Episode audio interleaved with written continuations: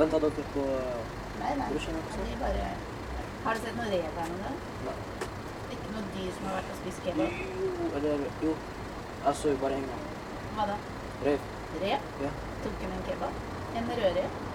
Uh, det var mellom sånn oransje og uh, Oransje og yellow. Ja. Ja, så det var en sånn rødrev. Ja. Fin? Var den fin? Uh, jeg liker det. Jeg liker ikke dyr. Liksom. Jeg liker bare katt. Hm? Den snudde seg etter mat, ikke sant? Den vil ha mat. Ja. Er Når her? er de sultne, så Så går du rundt her. Ja. Ja. Velkommen til live radio mellom folk og dyr her på Bodøbinalen i stormen. Eh, velkommen også til dere som ser dette via livestream, og, eller hører det seinere som en podkast på podkasten Folk og dyr. Vi er Søssa Jørgensen, Og Ingvild Færøy. og vi startet kunstprosjektet Folk og dyr for tre år siden i Skiptvet i Østfold. Der traff vi bl.a. slakteren Åge med person for kuer, og bonden Siv, som overnattet i fjøset sammen med grisene sine. Deretter så undersøkte vi hvordan folk og dyr hadde det på Sørenga i Oslo, og møtte Nikita, som hadde flyttet fra Bangalore til Oslo med fire indiske gatekatter. Og vi traff hunden Giggs, som er en riktig byhund med sans for dametær. Men nå er vi her. Og fram til sommeren 2021 så skal vi ta for oss det ville dyrelivet i Salten. Men vi starter altså i byen.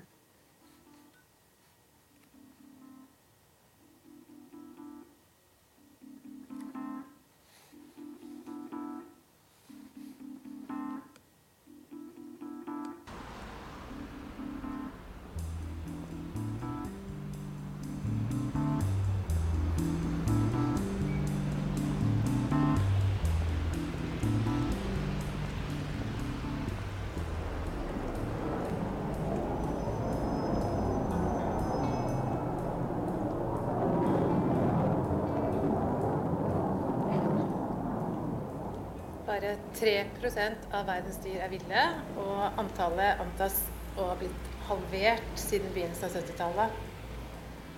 Menneskelige aktiviteter går på bekostning av dyrelivet. I 2020 har vi jo fått dette i fleisen. Vår måte å forstyrre naturen, langsomt utrydde villdyra, gjør rett og slett at virus og bakterier må finne andre steder å leve. Så langt borte fra Bodø, men likevel så nært. Virus tar som kjent både rutefly og F-16, til og med Hurtigruta. Så da holder vi oss her. Hvordan tar Bodø by, som egentlig er grunnlagt på sild, innover seg sitt ville dyreliv? Eh, vi har prøvd å finne ut noe om det, så bli med oss, så spisser vi ørene og lytter til bydyret. Snuser litt på fremtidsbyen, et sted mellom økologi og stedsutvikling. Med fabulerende høyttenking, ubesvarte spørsmål og oppmerksom lytting.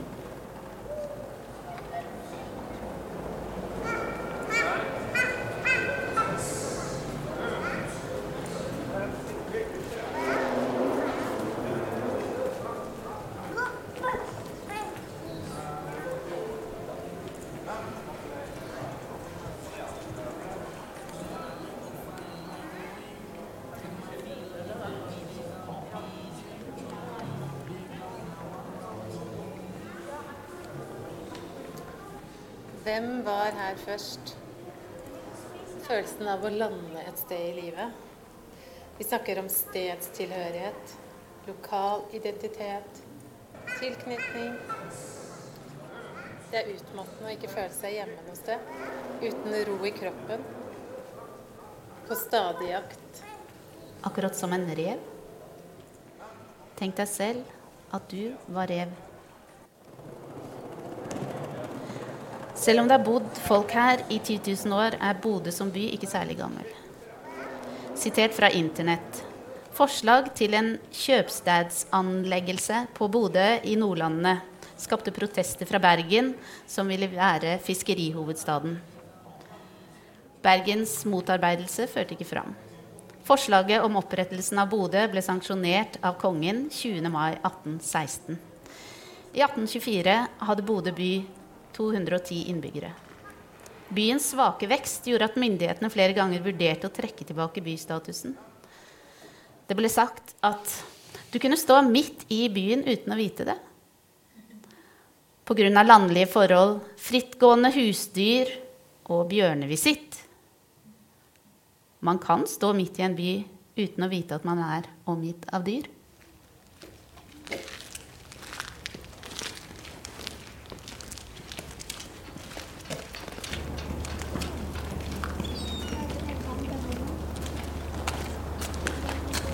Bodø ble by til slutt. Og ikke nok med det, en moderne turistby med visjoner vekst og fortetting. Med 50 000 innbyggere. Pluss eh, noen frittgående elg i gatene. Måser som svever forbi moloen. Ørner som sirkler over keiserverden. Sei som håves inn på Burøya, og rev som lusker bak kebabkiosken. Og nå skal det foretas en extreme city makeover. Kommunedelplanen for ny bydel skal vedtas i bystyret i 2022. 2900 dekar skal utbygges. Blant prosjektets delmål er at Bodø skal bli en bærekraftig lavutslippsby. En smart by. Dette skal bli et utstillingsvindu for fremtiden med sirkulær økonomi, 15 000 boliger realisert i et 50-100 års perspektiv. Sentralt står flyttingen av flyplassen en kilometer mot sørvest. Da blir det plass for en helt ny bydel som skal bli både grønn og smart. Hvor smart kan en by egentlig bli? Tre forslag er bestilt og lagt ut i offentlig høring, med frist for tilbakemelding det var visst i forgårs. Kan eh, en smart by inkludere rur, rotte og rev? Kan det urbane nabolaget også bli smart for dem, eller er det mennesker som skal være like lur som en rev i en smart by? Forvaltningen av ville dyr i by handler ofte om hvordan man skal bli kvitt dem. Og Bodø kommune jobber med saken. En ny lovforskrift har trådt i kraft. Den gir adgang til jakt, også på små arealer. Og i løpet av en toårsperiode frem til 2020 skal det utbetales 25 000 kroner i året i fangstpremier på smårovvilt i kommunen. For en rødrev så får man 400 kroner. Mår og villmink får man litt mindre, 200. Kråke og ravn ligger på bånn, 50 kroner. Dokumentasjonen må være fire poter eller to føtter per individ. Man kan altså jakte mye i Bodø. Eller dyr er fritt vilt, som det heter. Smårovviltjakt. Småviltrovjakt.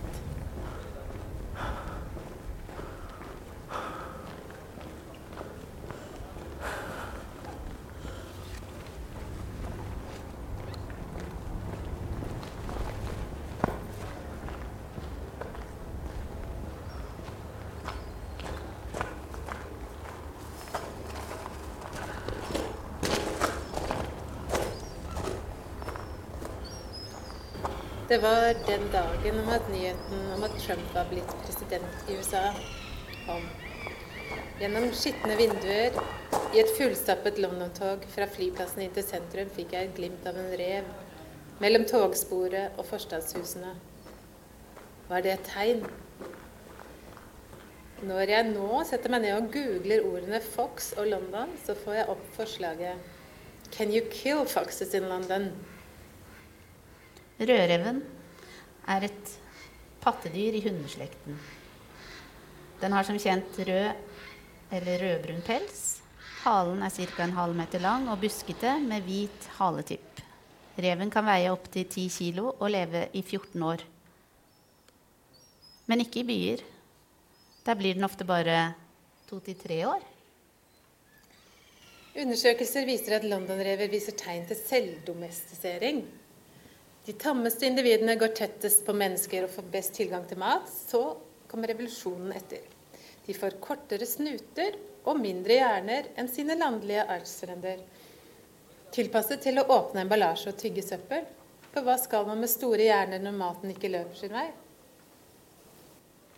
Men hva skjer egentlig med hørselen? Det er så mye lyd i byene. Kan rever få tinnitus?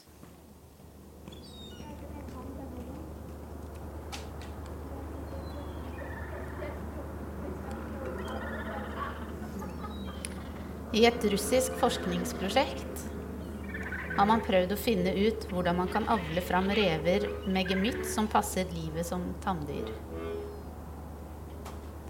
Gjennom systematisk avl i 50 generasjoner har man kommet fram til rever som kan måles med hunder når det gjelder hengivenhet til mennesket.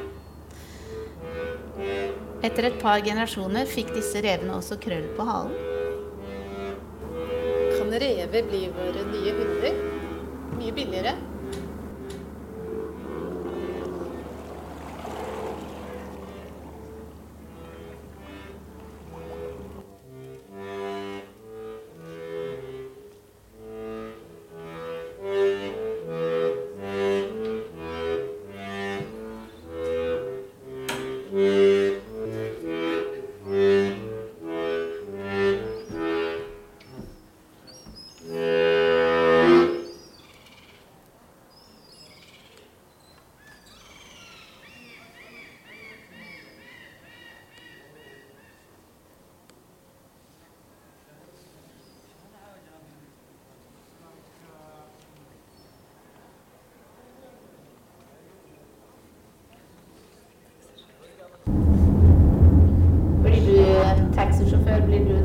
Av måkene her i Bodø? Av og til, ja. Hvordan da? Eh, så, nå er det jo eh, lenge siden siste, men eh, Men eh, ofte så har jeg problemer når jeg vasker, nyvasker bil og sånt. ja. De eh, Bil ser ikke ut. At de skiter på bilen? eller? Ja. Sier at det er blitt så mange måker, men bestanden har egentlig gått tilbake. Bare det at de har flyttet dit maten er, til våre søppeldunker. Brita Leiros, som er leder i Alta næringsforening, mener at de har funnet en bra løsning på måseproblemet. Det vi har gjort, er at vi har tatt måsen på et tidligere stadie. Tidlig på våren, når det har vært reirbygging, har huseierne vært flinke til å gå på gjemte plasser på taket og rett og slett fjerna reirene. Hvis vi har vært så uheldige at det har kommet til egg, så har vi enten fjernet eggene, fjernet reirene eller stukket hull på eggene. Men det er jo ingen av oss som ønsker å fjerne måsen helt totalt fra faunaen. Det eneste vi ønsker, er jo å flytte den til de naturlige plassene. For det er ikke naturlig at måsen skal gå på kafé i lag med oss, fortsetter Leiros.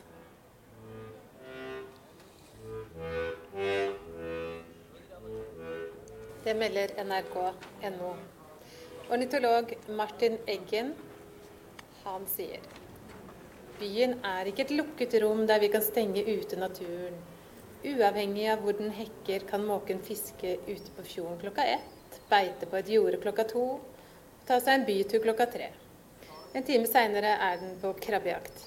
Himmelen, fjorden og landskapet er dens sfære. En tilværelse den kjenner godt.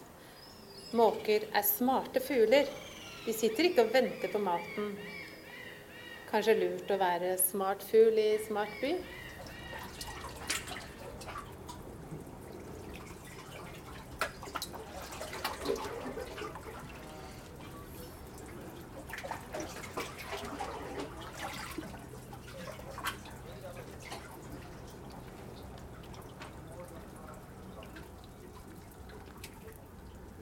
Tror kanskje at det var rev det er mest av i Bodø?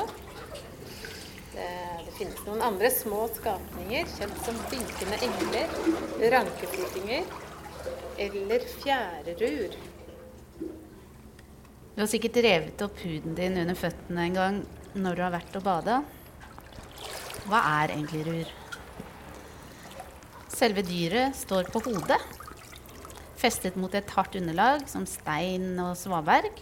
Og så omgir det seg med en boks av harde, hvite kalkplater rundt kroppen. Og de er skarpe.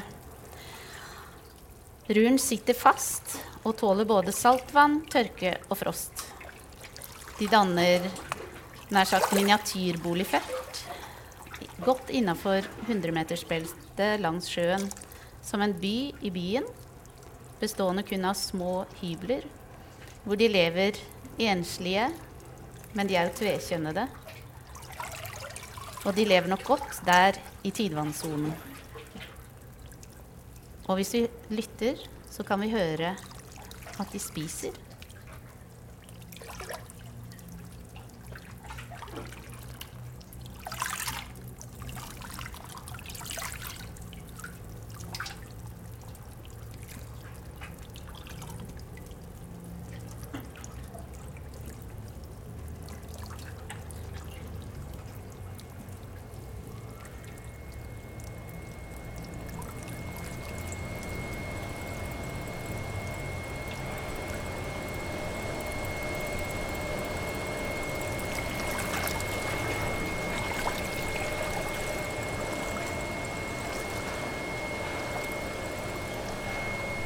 Tilbake til framtida.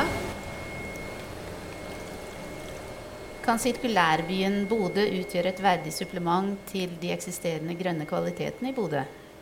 Sirkulærbydelen skal bli et utstillingsvindu og en besøksdestinasjon i regionen.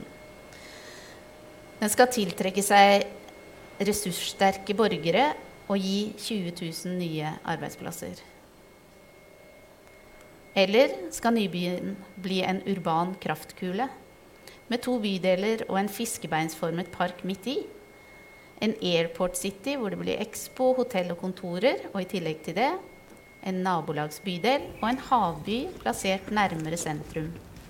Med gjenbruk av bygg og flyplassstruktur.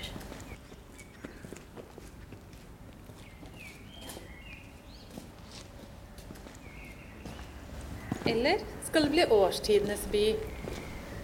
Hvor klimaet iscenesettes, og man bruker vind, sol og nedbør som opplevelser, og samtidig forbedrer mikroklimaet, forlenger sommer og omfavner vinteren. Hvis du var byreven, hvilket forslag ville du stemt på? Vet reven forresten at Bodø er en by?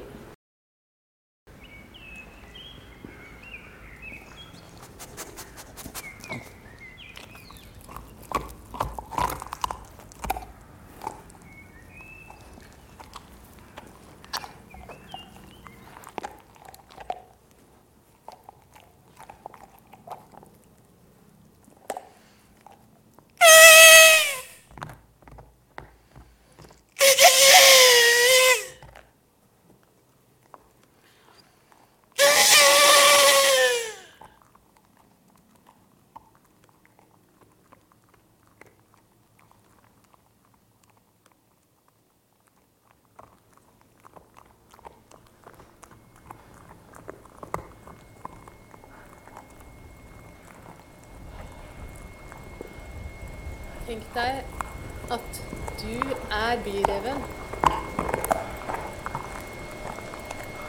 Lukk øynene. Se det for deg.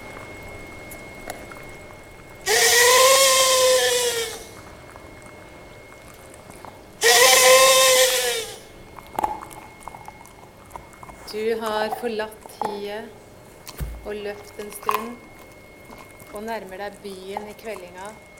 Du er sulten. Du krysser Rådhusparken, ser deg om før du krysser gata. Hva vil du gjøre nå? Hva lukter det her? Hva ser du?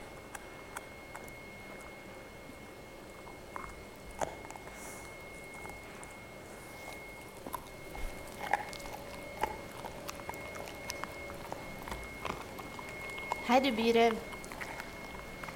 hvordan er egentlig ditt drømmebode? Hvor er favorittplassen din i byen?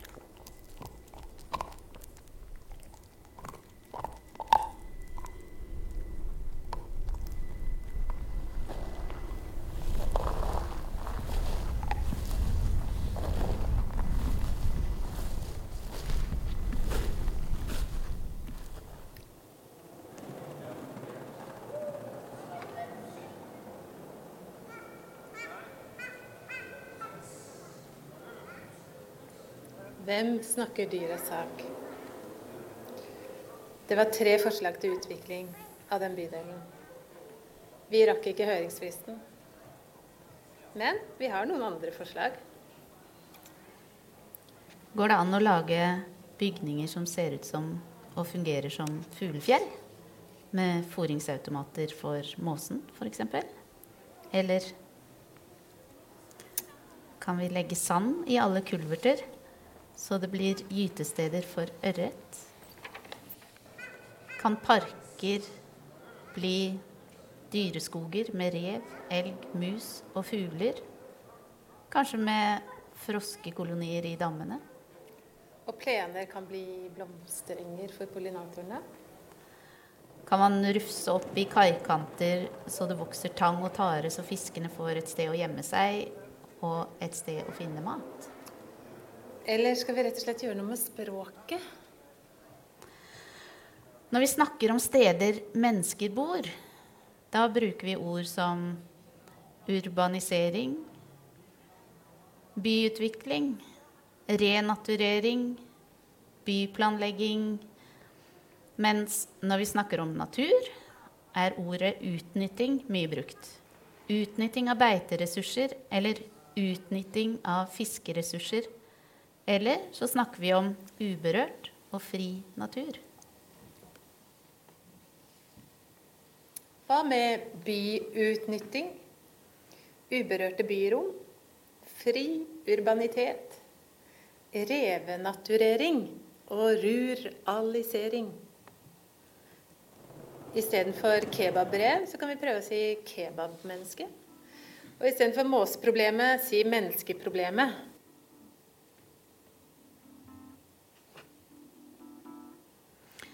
Kan fremtiden bli en slynge tilbake til tiden da menneskene spilte på lag med dyrene, hvis vi noen gang har gjort det? En fundamental endring av forståelsen av dyr. Under koronanedstengingen i vår opplevde jeg å komme nærmere de dyra jeg lever sammen med. En indre ro foldet seg ut i atmosfæren mellom oss. Kanskje må vi langt, langt tilbake. Tilbake til tiden før Descartes lanserte ideen om at dyr er maskiner. For dyr er ikke maskiner. De er våre følgesvenner. Men kanskje det viktigste de gir oss, er tid. Følelsen av å ha mer tid. Vi sier jo at dyra alltid har hatt evnen til å tilpasse seg oss. Men hvordan i granskauen kan vi tilpasse oss dem? Vi minnes den nylig avdøde forfatteren Beate Grimsrud. Hun sa Av og til blir man sittende fast, og verden blir ond. Det må få være det en stund før den blir god igjen.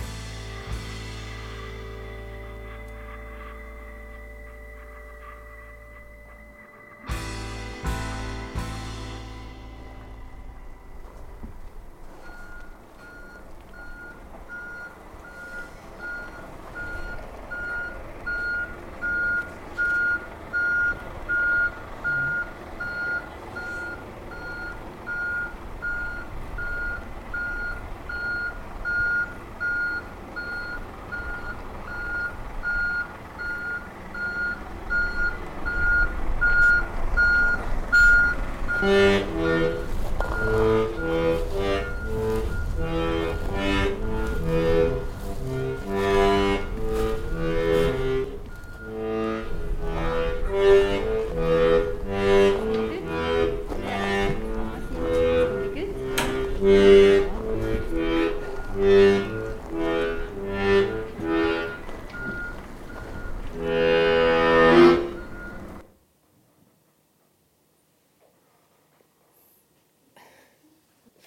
vi går herfra, så skal vi huske å takke Bodøbinalen, Nordnorsk Kunstsenter, Vibeke Dyrebeskyttelsen, taxisjåføren, De som har laget forslagene til Fremtidsbyen Bodø. Og alle de nettsidene vi har vært innom. Og vår lydmann.